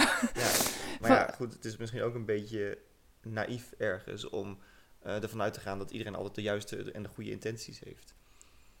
Ja, maar dat vind ik wel een leuke levenshouding. Ik ook, ja, tuurlijk. Ik vind het ook heel, heel leuk, maar ik denk dat je ergens ook wel realistisch moet blijven. Je kunt niet tegen iedereen zeggen dat hij eh, eh, dat die de juiste intenties heeft. Nee. Ik vind het altijd wel fijn om daar zoveel mogelijk van uit te gaan. Want anders, ja, ik ben altijd wel weer zwart-wit daarin. Dus dan, anders zou ik dus zeggen van niemand is te vertrouwen. En dan, Nee, Ja. maar dat is ook niet mijn instelling hoor, want ik, Nee. ik wil het wel heel graag. ja. Maar ik zie ook wel een beetje dat. eh, even, nou, ik ben ook wel echt naïef daarin hoor. Maar ik ben er ook wel eh, wat realistischer in geworden. Omdat je, je kunt gewoon niet iedereen vertrouwen. Nee. Dus je kunt het wel heel graag willen, ja. maar het kan gewoon niet. En dat vind ik heel jammer. Maar het is gewoon zo. Ja, ik zit heel even na te denken. Want ergens heb ik ook nog wel de levensovertuiging dat als je maar hard genoeg gelooft dat iemand te vertrouwen is, dat zelfs als hij niet vertrouwen is, dan wel betrouwbaar wordt. Stel je voor, er komt bijvoorbeeld hier een inbreker in huis. Nou, dan kan ik met een knuppel hem eh, gaan slaan of zo. Of eh, weet ik veel, politie bent. Nou, van alles eh, doen om te zorgen dat mijn vijand weggaat. Maar ik kan ook zeggen, hey, wil je een lekker kopje koffie? En, en we gaan praten. En die man die is helemaal verbaasd van, goh, wat doet ze aardig. En voor hetzelfde geld zijn we morgen dikke vrienden. Zo, zo geloof ik daar ergens wel Ja, in, zeg natuurlijk. maar. Ik Ik zeg niet dat ik het op dat moment echt zo zou durven, maar Nee, ik vind, zou dat heel mooi vinden als dat zou kunnen. Maar Ja. ik denk wel dat je dan een soort van in een ideale wereld leeft die, eh, of wilt leven die niet bestaat. Want hoe groot is de kans dat er een inbreker binnenkomt, dat jij naar beneden loopt en zegt, hey, wil je een kopje koffie? dat, dat hij blijft zitten. Ja, je weet, ik denk dat hij zo verbaasd is. dat hij misschien, nou, misschien gaat hij er dan gewoon vandoor of zo. Maar ja. Ja. ik weet, ik geloof wel in die filosofie. Maar het zal inderdaad niet 100% ten alle tijden Nee, het werken. zou heel mooi zijn. En het Ja. zou, zou echt een heel mooi succesverhaal zijn. En ik Ja. wil daar ook heel erg in geloven. En ik zou het denk ik ook altijd proberen. Ja. Als, ja, misschien dat ik het ook niet zou durven bij een inbreker, maar ik zou het wel op die manier willen proberen. ja. Eh, maar wel realistisch wetende dat de kans dat hij dan toch wegrent ook heel groot is. ja. En dat hij dan bij het volgende huis probeert. Nou ja, wegrennen is dan in ieder geval nog... Dat is een fijne reactie. Dat is beter dan dat hij je aan gaat vallen of zo. Ja, dat zou ook nog kunnen. Ja, precies.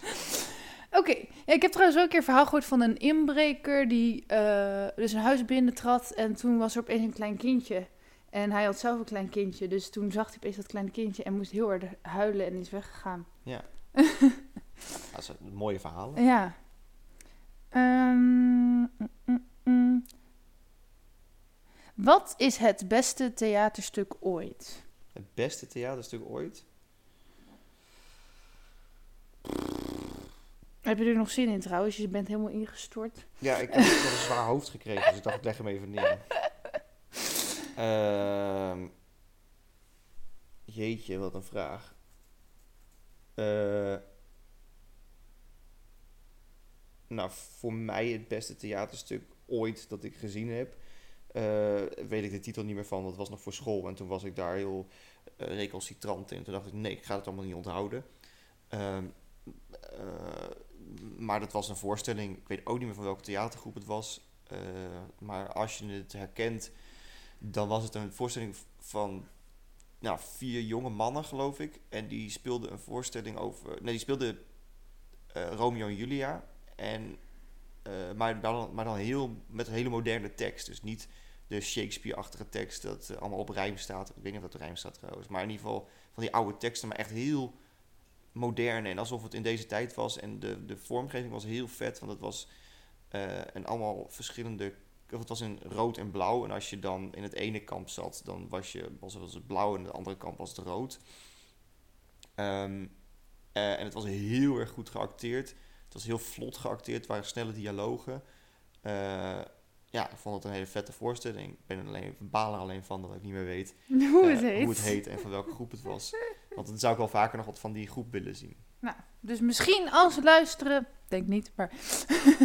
en hoe oud waren die mannen ongeveer? Eh, die waren, waren denk ik net afgestudeerde acteurs. Dus die zaten tussen de 25 en de 30. En dat, hoe lang geleden is dat? Eh, drie jaar geleden. Oké, dus misschien zouden ze zichzelf nog herkennen als ze het wel zouden horen. Ja, ik denk als je het gezien hebt dat je, dat je het wel zou herkennen. Ja. En welk theaterstuk waar je zelf ooit in speelde of nog steeds in speelt, vind je het leukste en waar gaat het over? Mm. ja, het is wel de voorstelling die ik met, eh, met, me- met mijn vrienden heb gemaakt. Dat is een, eh, dat, die vind ik echt het leukst om te spelen, ook omdat we die nu vaker gespeeld Mhm. hebben. En eh, dat die eigenlijk best wel makkelijk is, maar wel heel vrolijk. En hij slaat altijd goed aan op festivals, dus dat is heel leuk. Ja, en gewoon met je vrienden theater maken, dat is ook gewoon Ja, cool. dat is heel leuk. Eh, en het is echt, echt een beetje in een hele jolige bui is het ontstaan. En uiteindelijk is die wel echt over, ergens over gegaan. Eh, terwijl we eigenlijk alleen maar een voorstelling nergens over wilden maken. Maar pas toen we gingen spelen dachten we, oh, hij gaat eigenlijk ergens over. En waar gaat die dan over? Goeie vraag. Hij gaat over de drie jongens. drie ehm, ja, jongens die je, die je zou vinden op een, eh, op een, een, camping waar heel veel vaste gasten staan. Dus een beetje stoere jongens die veel bier zuipen en de hele dag in een blote barst rondlopen. Eh, alleen drinken wij fristie in plaats van bier.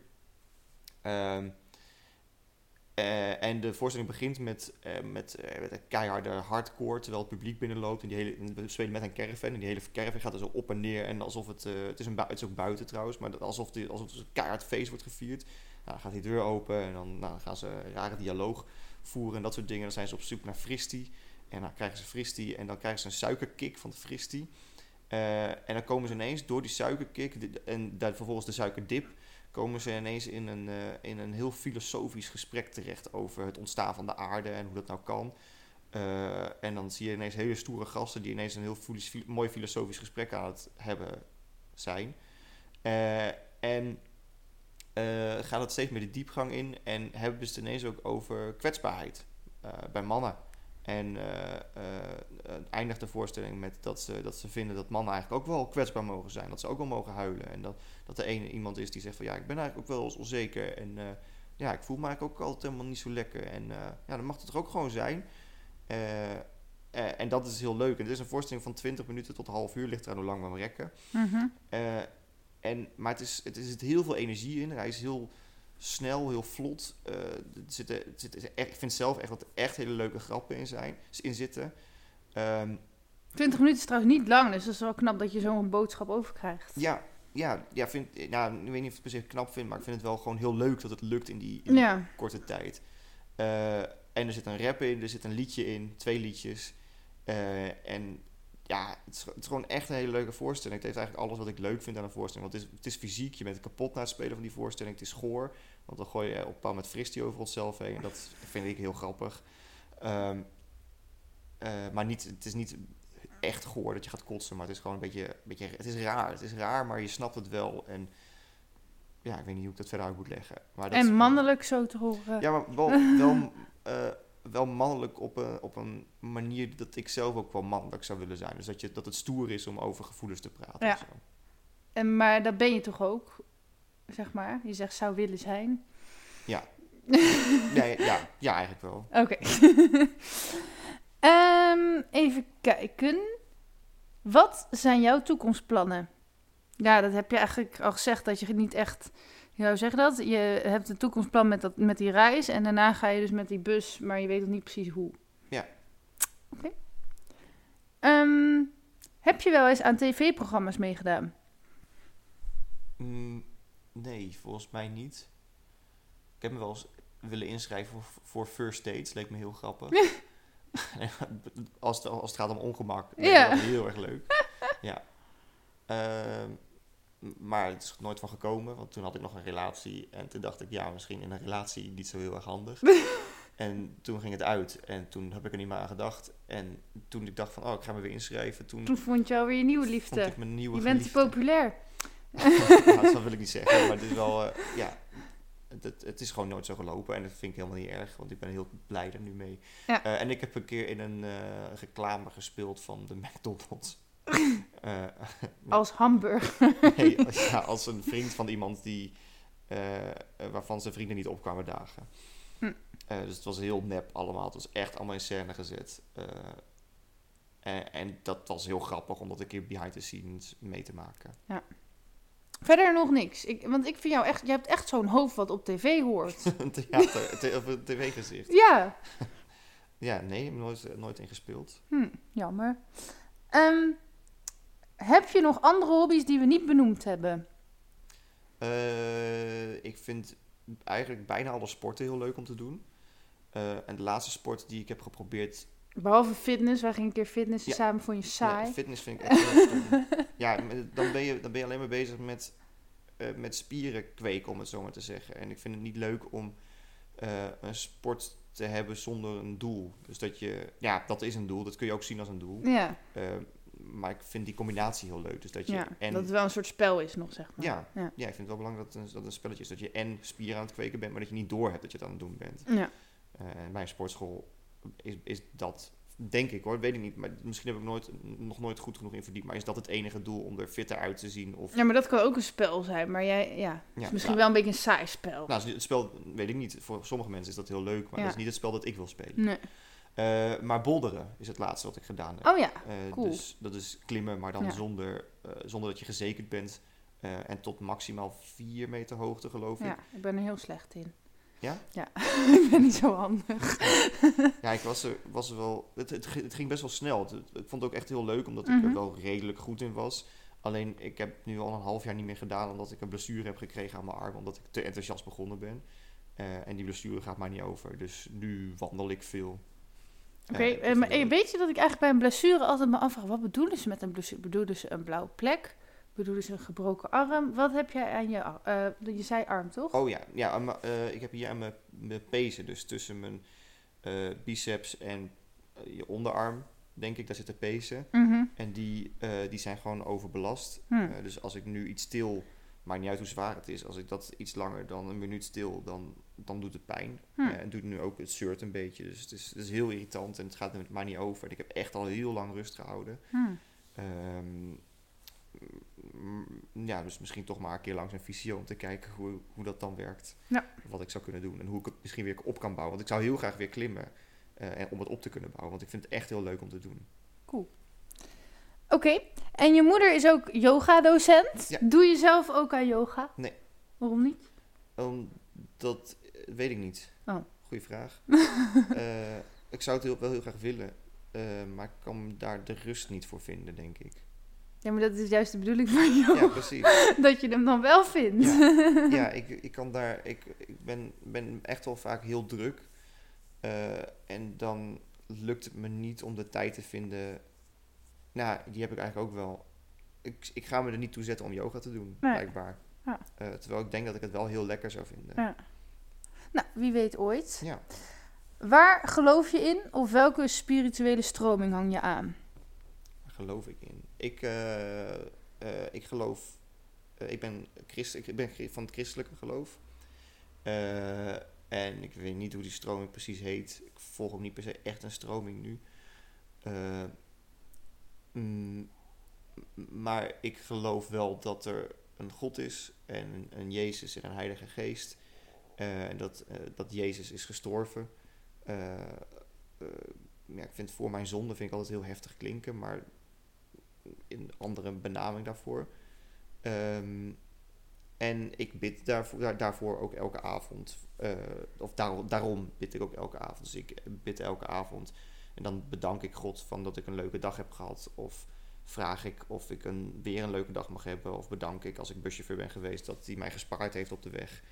Ehm, dat soort dingen. En als ik echt ergens mee zit, eh, is, eh, is bidden voor mij een klankbord. En dan kan ik daar eh, mijn gevoel in kwijt. En dat, is, dat vind ik heel fijn om te doen. Ehm, eh, maar ik, ik, ben, ik, ik ben niet daar dagelijks echt mee bezig. Nee. Dus het is niet dat ik s ochtends de dag begin met Bijbel lezen of zo. Of dat soort dingen. En, dat, want dat, dat voel ik zelf niet.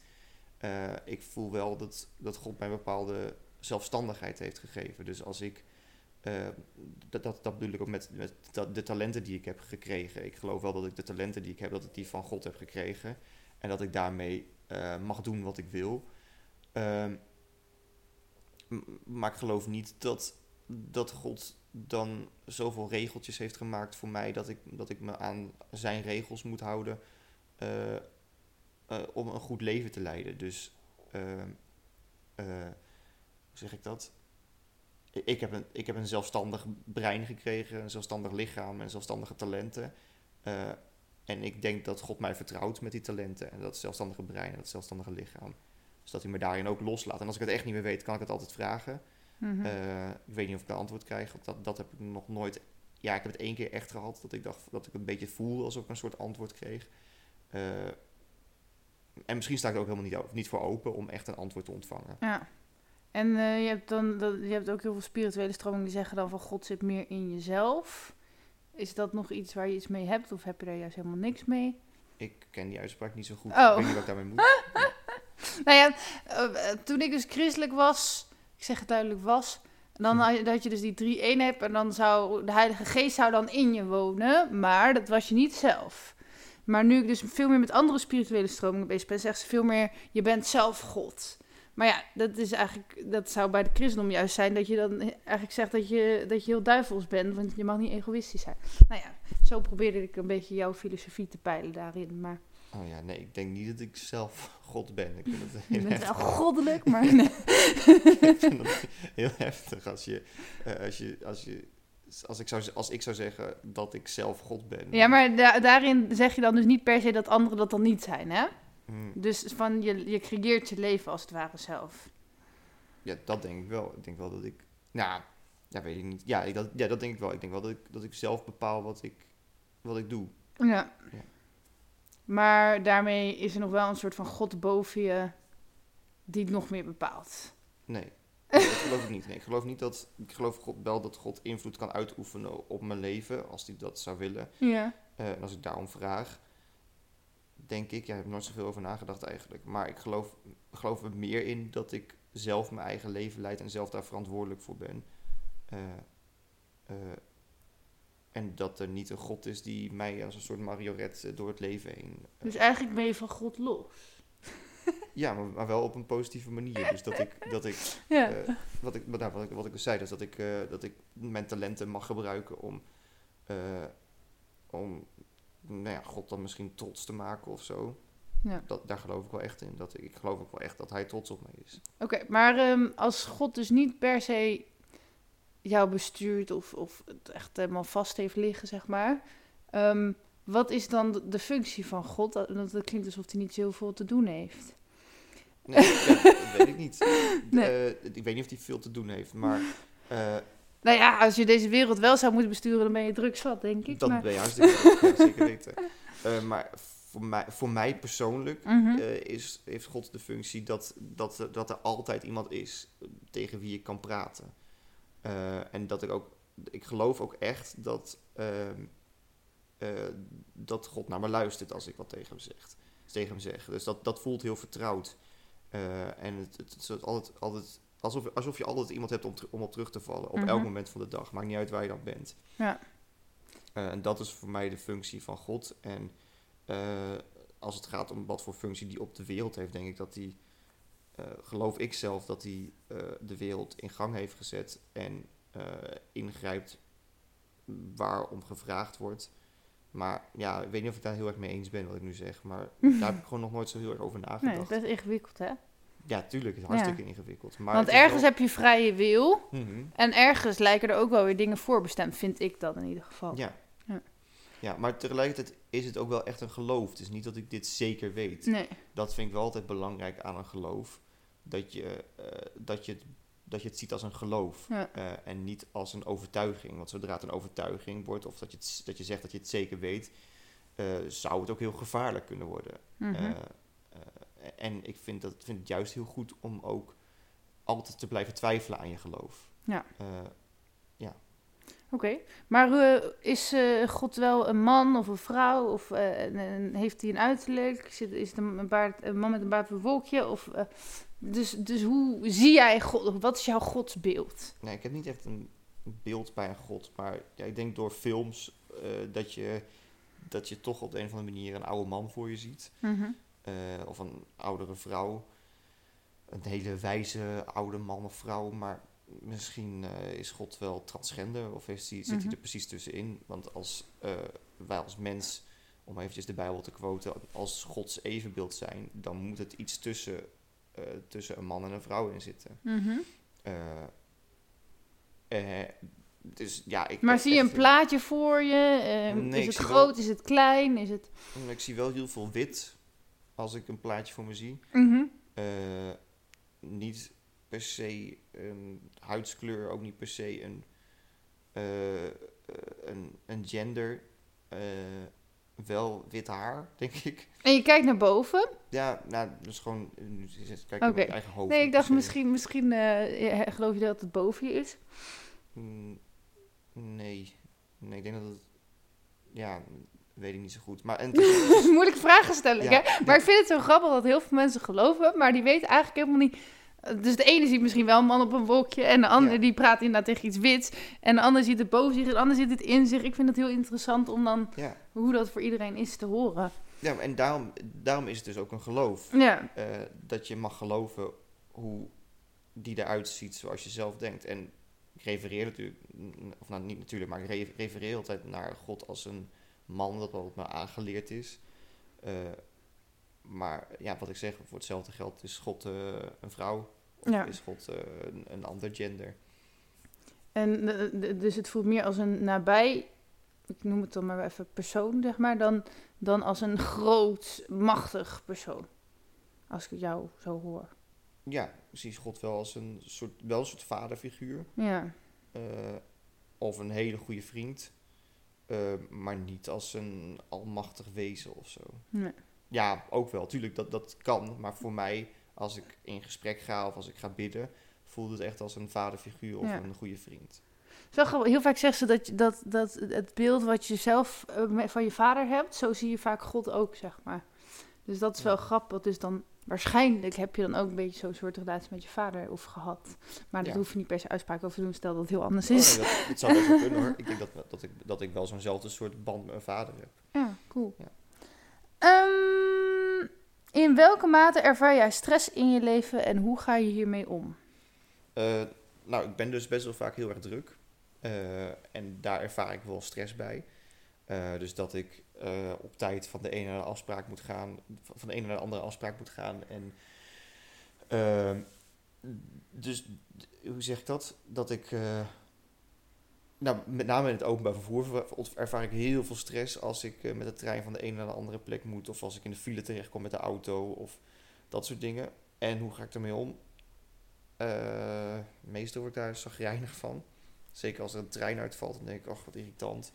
Ehm, en eh, ja, heel veel, echt wel veel irritatie. Dus als ik echt heel druk ben, ben ik ook snel geïrriteerd. Ik word ook heel moe van. Het kan me echt helemaal leegzuigen als je zo, eh, zo druk bent. Ehm, punt, denk ik. Ik weet even niet zo goed wat ik dat moet zeggen. het is niet echt een manier om mee om te gaan, gewoon aan irriteren. Ja. nou ja, oh ja, als ik dat dus merk, probeer ik wel weer wat meer rust in mijn leven Ja. te creëren. Dus als ik denk, ik ben echt veel te druk, dan ga ik ook weer, dan ga ik echt vrije dagen plannen. Eh, en dan eh, zorg ik ook dat ik niks gepland heb op die dag. Of dat ik dan alleen met vrienden afspreek. In plaats van dat ik zeg van, oh, ik zeg nog ja tegen een klus. Ja. Eh, dat, dat, dat probeer ik wel echt. Maar meestal duurt het dan wel een maand of twee maanden voordat dat ook weer kan. Dat ik rustig ben. Dus ik ben, het schommelt heel vaak. Ik ben soms, dan ben ik een paar maanden heel rustig. En dan ben ik een paar maanden heel erg druk. Ja, dat. Maar ik ga ook wel lekker op stress eigenlijk. Ja. Dus, eh, naast dat ik er heel moe van word, ga ik er ook wel weer van aan. En vind ik het ook wel lekker om... Soms vind ik het heel lekker om geleefd te worden. Dus dat Mhm. je niet na hoeft te denken. Dat je denkt, oké, ik moet nu naar deze Nee, dan heb je ook niks ik- om je zorgen over te maken eigenlijk. Precies, je hebt alleen maar de, de stress of de Ja. dingen. Ehm, wat geeft jouw leven zin? Of waar haal je de zin uit? Het geeft mijn leven zin. Eh, Ik vind het namelijk eigenlijk best wel zinloos dat je bestaat, Joris. Nee. mm, wat geeft mijn leven zin? Een goede vraag. Ik denk er nooit zoveel over na. Eh, ik denk... ehm, komt even helemaal niks. nou, misschien is er wel geen zin. Misschien wel niet. nee, dat is, het is er wel. Maar ik heb even geen antwoord. Wat geeft mijn leven zin? Mm. Wat geeft jouw leven zin? Ik heb even een voorbeeld. Nou ja, ja maar de- bij mij is het een beetje lastig. Want ik heb dus gezegd dat mijn missie is zinnen geven, zingeving, zingen en mensen er zin in geven. Dus mijn leven heeft zin dat ik andere mensen zin geef. Maar is het dan... Wat geeft je leven zin niet een beetje hetzelfde als je missie? Ehm, dat is een goede vraag. Ja, ik denk dat het best wel met, met elkaar aansluit. Maar het kan bijvoorbeeld ook zijn, maar dat is, heeft vaak ook wel, dan is het vaak ook wel je missie. Maar stel je hebt bijvoorbeeld een, een eh, kind of zo. En dan zeg je, ja, alleen voor hem leef ik nog of zo. Dat is Hm. best wel heftig om te zeggen. Maar, maar dan is vaak je missie ook weer het ouderschap. Dus ik denk dat het wel met elkaar verbonden is. Nou, ik denk dan in dat geval dat eh, mijn vrienden en mijn familie en mijn vriendin mijn leven wel zin geven. Dus echt wel andere mensen. En het feit dat ik met die mensen leuke dingen wil gaan doen, is, eh, is wat, me, wat mijn leven zin geeft. Dus ik, als ik werk en ik vind mijn werk niet leuk, dan denk ik altijd van, oh, maar ik verdien hier nu geld mee. Eh, waardoor ik dus weer leuke dingen kan doen met mijn vrienden of mijn familie of mijn vriendin. Ja. En dus stel je voor dat je nou eh, op een of andere manier geen familie en vrienden had. Ik weet ook niet hoe je dat voor elkaar krijgt. Maar, en je zou als een soort kluisenaar leven. Zou je dat overleven? Eh, dat weet ik niet, want dat kan ik niet zeggen, omdat Nee. het niet, niet voorkomt. Eh, ik, heb, ik, moet, ik moet wel zeggen dat ik soms heel erg de behoefte heb om gewoon echt een maand ervan door te gaan. En een maand helemaal niks aan niemand met, van me wat te laten horen. Omdat ik dan gewoon echt even helemaal met mezelf ben. Eh, want dat ben ik eigenlijk niet zoveel, dat ik echt met mezelf Ja. ben en echt eh, mezelf ook tegenkom, als, om het zo maar te zeggen. Dus dat, dat ik echt even geconfronteerd word met mezelf, omdat ik alleen met mezelf ben. Ehm, dus die wens is er wel ergens heel erg, maar ja, eh, ik, ja, ik denk dat je dan ook wel weer een manier vindt om, om zin te geven. Ik denk dat je heel erg weer dan van jezelf eh, nog meer gaat houden en dat je denkt, oh, wat kan ik het ook gezellig met mezelf hebben. Ja. Nee, ja, ik ben in mijn leven best wel veel alleen geweest, zeg maar. En, maar ik vond het altijd heel moeilijk. Maar tegenwoordig vind ik het niet meer zo moeilijk, want ik ben echt wel aangewend. maar, maar dan zeiden mensen altijd, ja, je moet eerst eh, alleen gelukkig kunnen zijn en niet afhankelijk zijn van anderen. Maar heel veel mensen halen volgens mij toch echt hun geluk wel uit, uit relaties met anderen. En, en niet zozeer uit de, de relatie met hunzelf, zeg maar. Ja. Dus dat is wel interessant. Ja. Mm, mm, nou, ik heb het gevoel dat je best moe wordt. Nee, maar dat geeft niet. Oh. Ik eh, ga weer even rechtop zitten, dat is misschien beter. Oké, ja, maar ik heb nog heel veel vragen, dus ik zit een beetje van, zal ik al afronden of zal ik nog verder gaan met mijn vragen? Jij mag kiezen. Ja, het, het is aan jou. Want eh, ik eh, vind het altijd leuk om te kletsen. Oké, nou ja, waarschijnlijk vinden de luisteraars het al veel te lang, maar dat maakt niet uit. Want ik vind het leuk. Nee, maar weet je, Ja. als het echt heel saai is, kun je ook nog dingen gaan knippen natuurlijk. Hè? Nee, daar, ga ik, daar gaan we niet aan beginnen. Ga je er niet aan beginnen? Nee. Nou, nou, ik heb het niet over voor de luisteraar. Daar heb ik geen zin in. Oké, eh, werk jij aan je mindset en zo ja, hoe? Oftewel, doe je iets om positief te denken? Of... Eh, ik wil eerst in eerste instantie zeggen nee, maar dat komt omdat ik eh, dat heel lang niet gedaan heb, omdat het ook niet per se nodig was. Mhm. ik, had, eh, ik heb best wel een positieve mindset, eigenlijk altijd Ja. Ehm, eh, en daarin probeer ik wel realistisch te blijven. Ehm, maar ik merk de laatste tijd dat ik best wel, zeker als het richting de winter gaat, dat ik best wel wat verdrietiger kan zijn in de winter. Of dat ik dan heel erg onzeker word als ik, eh, eh, als ik weinig geslapen heb en dat soort dingen. Ehm, en daar probeer ik nu wel mee aan de slag te gaan. Dus ik heb een aantal dingen geprobeerd nu. Ik heb, probeer soms wel eens te schrijven. Zodat ik als ik, eh, eh, als ik ergens mee zit, dat ga ik, dat ga ik dat gewoon opschrijven in een boekje. Eh, als ik echt heel onzeker word, dan weet ik, oh ja, ik moet nu wat beter gaan slapen weer. Ehm, en eh, wat me het meest heeft geholpen de laatste tijd, is dat ik eh, heb besloten om niet meer te liegen. Logisch zoveel dan. Hm, Nou, dat, ja, dat, is die vraag, dat is de vraag die ik altijd krijg. Ja. Ehm, ja, ik denk het wel, maar geen grote leugens. Dus het is niet dat ik, eh, dat ik iedereen ging voorliegen dat ik bijvoorbeeld buschauffeur was of weet ik veel. Ja. Dat, soort, dat soort dingen ging ik niet doen. Maar wel, eh, ik denk dat, dat in de vraag eh, die je eigenlijk altijd krijgt als je iemand ontmoet. Ja, van is, hoe gaat het hoe goed? gaat het? Ja. daar lig je altijd, altijd in. Ah, ik dus niet, maar Nou, ik of- weet dat de meeste mensen dat Precies, wel veel mensen, mensen Ja. liegen daar dan in. Ik en- zeg altijd eerlijk hoe het gaat. Ja, en eh, daar was ik klaar mee. Om, dat, om op dat soort vragen ook bijvoorbeeld... nou, ik kan even geen goed voorbeeld verzinnen, maar... nou, dit, dit is denk ik nu even het beste voorbeeld. Eh, van als, je- als je aan iemand vraagt van... Of als iemand aan mij vraagt hoe gaat het met je... Dat ik altijd daar eerlijk antwoord op geef. En... eh, daarmee hoop ik dat andere mensen dat ook doen. En Ja. daar... eh, eh, dat, dat vind ik heel, heel interessant. En wat, ik, wat, wat het me oplevert, is dat ik niet meer hoef na te denken over wat ik, wat ik gezegd heb. Want er waren bijvoorbeeld ook wel kleine leugentjes als, als iemand zegt van... hey, vind je het leuk om vanavond eh, ergens wat te gaan eten samen? Dat ik dan zeg, nee, ik kan niet, want ik ga op tijd naar bed. Maar dat ik dan bijvoorbeeld tegelijkertijd ook al af had gesproken met iemand anders... maar gewoon niet zin had om te zeggen, oh, ik heb het hier afgesproken... eh, dus jij kunt daar niet bij komen. En dat ik dan ging stappen diezelfde avond. Dat ik dan heel erg moest opletten van... Oh, ik moet geen foto's plaatsen op Mm. Instagram... omdat anders dan diegene weer kan zien dat ik... Oh, zo aan kan het echt niet leven. Nou ja, dat soort, dat soort kleine dingetjes. Dus het is heel groot. Zo, zo Ja. was ik er nooit mee bezig. Ja, misschien ook wel. Dat heb ik vast ook wel meegemaakt. Anders komt dit voorbeeld er niet. Nee. Maar ehm, dat ik merkte van... Ik ben, dus- word er zo moe van om dat soort kleine dingetjes elke keer te doen. Ik ga gewoon eerlijk zijn. Ik zeg Ja. van nee, ik heb al met iemand anders afgesproken. En eh, dat kan niet. Of, nee, of, of bijvoorbeeld wel als ik zei van... eh, als iemand zei van, kun je vanavond? Dat ik dan zei, nee, ik heb al andere plannen. En dat ik dan gewoon ging slapen. Maar nu zeg ik gewoon, nee, ik kan niet. Ik ben gewoon echt moe. Ik heb, eh, Nou ja, maar andere plannen kunnen natuurlijk ook slapen zijn. ja, precies. Maar, maar dat, ja, dat, je weet ook hoe dat geïnterpreteerd wordt als je dat ja, zegt. Oké, we gaan toch naar een afronding, want we zitten in de laatste 10 minuten van mijn anderhalf uur. Oh nee. Ja. Wat Oh. vragen heb jij nog, Ja, erg hè? We kunnen ook een deel 2 maken. Holy shit. Eh, ik wil trouwens nog wel even zeggen over hoe gaat het. Ik zeg, wat, wat zeg ik nou soms wel eens? Want ik heb altijd zoiets...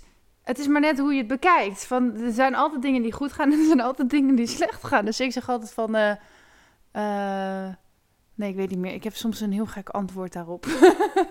van, ja... ehm, nee, ik weet het niet meer. Het was een hele goede om... Nou, je kunt het even proberen. Wat? Melinda, hoe gaat het?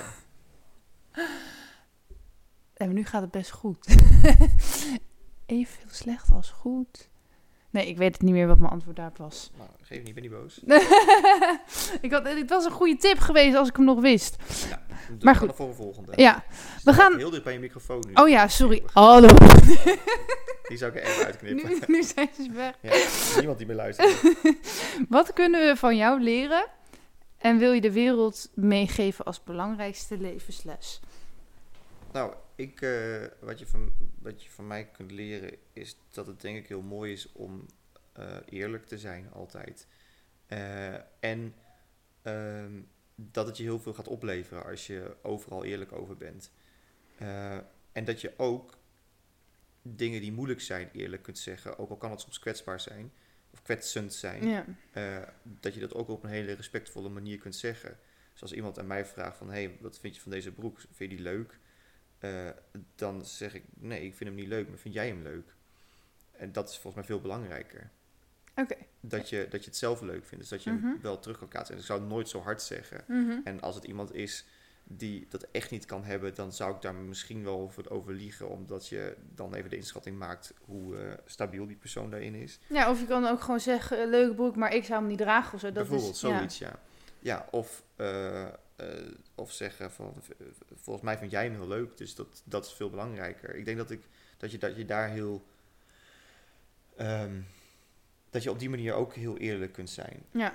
Eh, en eh, dat ik iedereen wil aanmoedigen om, om eerlijk naar zichzelf te zijn. Dus dat je, dat je bij jezelf eens kunt checken hoe het met jezelf gaat. En eh, ehm, of bij andere mensen af en toe eens een keertje echt de vraag durft te stellen hoe gaat het met je. In plaats van, ehm, eh, van dat je dan zegt dat, dat, als- dat je genoegen neemt met ja gaat goed. Dat je echt een keertje doorvraagt van, van oké, maar wat gaat er goed dan? Of waarom gaat het goed? Of weet ik veel wat. Dat je, dat je echt dat gesprek eens een keer durft aan te gaan. Dat hoeft echt niet elke dag, want dan word je gek van elkaar. Maar durf het eens een keertje echt aan elkaar te vragen. Mhm. Eh, en ik denk dat dat ten eerste hele mooie gesprekken oplevert. En ten tweede heel veel transparantie eh, in elke eh, relatie. Dus of het nou een werkrelatie is of een liefdesrelatie. Ik denk dat dat heel veel kan opleveren. Ik weet mijn antwoord. Volgens mij is mijn antwoord altijd: er zijn dingen die goed gaan en er zijn dingen die slecht gaan, maar dat is ook goed. dus dan lieg je ook niet als je zegt dat het goed gaat. Nee. nee, maar ja, kijk, nu wordt er heel veel waarde gehecht aan het, aan het liegen of niet. Uh, Eh, en ik, tu- tuurlijk is het mooi als je het voor elkaar krijgt om, eh, om niet meer te liegen. Maar ook ik lieg nog steeds wel eens. Eh, en liegen zit hem echt in hele kleine dingetjes. Ja. Het kan ook eh, zijn dat je... Nou, soms, bijvoorbeeld, soms schiet het er nog wel eens bij in dat, dat, dat, dat iemand aan mij vraagt van... Dat iemand tegen mij zegt van, hé, hey, hoe gaat het met je? Dat zegt, ja, goed. Maar ja, sommige mensen hebben er ook gewoon geen zin in. nee. Of weet je, als Of zeg- geen tijd voor of soms. geen tijd ja. voor, weet ik veel. Dus natuurlijk gebeurt dat nog wel eens. Maar ik probeer het wel altijd. Ik probeer echt altijd daar eerlijk over te zijn. Over alles wat ik zeg. En Ja. dat, eh, eh, ik hoop dat dat eh, een soort van een olievlek in gang brengt. Hoe wil je dat mensen je herinneren als je straks bent overleden? Nou, ik hoop dus als een heel eerlijk iemand. Mhm. Ehm, eh, een heel vrolijk iemand. Mhm. Ergens hoop ik ook heel wijs, maar dat vind ik niet het belangrijkste. Ik Eh, ben niet wijs, man. Eh, en ik wil iets met reizen zeggen. Ja, ik wil, ik wil wel, ik zou heel graag eh, bekend staan als iemand die wel iets teweeg heeft gebracht in de wereld. Ja. Ehm, ik heb echt geen idee nog eh, wat dan. Eh, maar ik zou dat wel heel mooi vinden. Dat, Ja. ik, dat ik iets heb gedaan in mijn leven waardoor eh, in ieder geval mensen in Nederland denken: wow, die Joris die heeft dat gedaan. Wat vet dat hij dat gedaan heeft. Maar En ook- hoe groot moet dat zijn? Want ik ben best arrogant soms, maar ik zou eigenlijk wel de nieuwe Einstein willen zijn of zo. en niet dat ik daar de capaciteit voor heb, maar gewoon zo iemand die wordt gewoon nooit meer vergeten. Hoe groot moet het bij jou zijn? Ja, ik zou dat, dat zou ik heel mooi vinden. Ja. Eh, Maar ja, dan moet je wel een, eh, nieuw soort ontdekking doen of zo. ja, en tegelijkertijd weet ik ook wel dat ik ook maar gewoon Joris ben, Mhm. die, eh, die ook maar gewoon zijn ding doet in zijn leven. Maar ik zou het wel heel mooi vinden als die Joris die gewoon zijn ding doet in zijn leven wel iets kan betekenen voor de wereld. Ja. Maar goed, als je één persoon helpt, dan betekent je ook wel iets voor de wereld. Precies, dus, dus ik zou het ook heel mooi vinden als ik op die manier eh word herinnerd door mijn vrienden. Dat is al goed genoeg. Maar ik zou het ergens heel mooi vinden als ik van betekenis dat ik iets heb gedaan. Ja, ik weet echt niet wat, ik weet het echt niet. Maar ik zou het heel mooi vinden als ik de hele wereld eh, denkt van, wow, wat een mooie jongen was dat. Nou, ik denk dat heel veel mensen jou een heel mooi persoon vinden. Dus dat. eh, ehm, Nou, dankjewel. nou ja, ik heb dus met je samengewerkt. En ik weet wel dat iedereen altijd helemaal eh, dol op jou is, zeg maar. Tenminste, wel op het werk. Dus dan weet je dat. nou, dat is leuk. Dus eh, iedereen zegt van yes, Joris. Oké, ehm, waar kunnen mensen jou vinden als ze meer over je willen weten? Ik weet niet of je een website hebt of zo, maar sommige mensen zeggen mail Walinda maar, maar dat moeten ze niet doen, want dan krijg ik het heel druk. Want iedereen wil natuurlijk nu gewoon meer van jou weten. Nou, mail van Linde dan maar niet. nee, ik eh, ben te vinden op Instagram. En mijn ad is Joris Jambers. Eh, en je mag me ook mailen. Moet ik mijn mailadres nu noemen? Wel als je wil dat ze je mailen. Eh, mijn mailadres is eh, joris 10.000 at gmail.com. En eh, de, de 10.000 is zijn cijfertjes, dus dat is Joris en dan een 1 met 4 nullen at gmail.com. Eh eh, eh, ja, dat. Daar kun je me vinden. Oké. Goedjes. Oh shit, mijn muis doet het Oh, de muis doet het niet. Nou, dan gaan we nog anderhalf uur door, ja? Hij wil niet uitkloppen. Oh, nee. Ja, nee, dit gaat ook allemaal in, denk ik. Paniek van een podcast maken.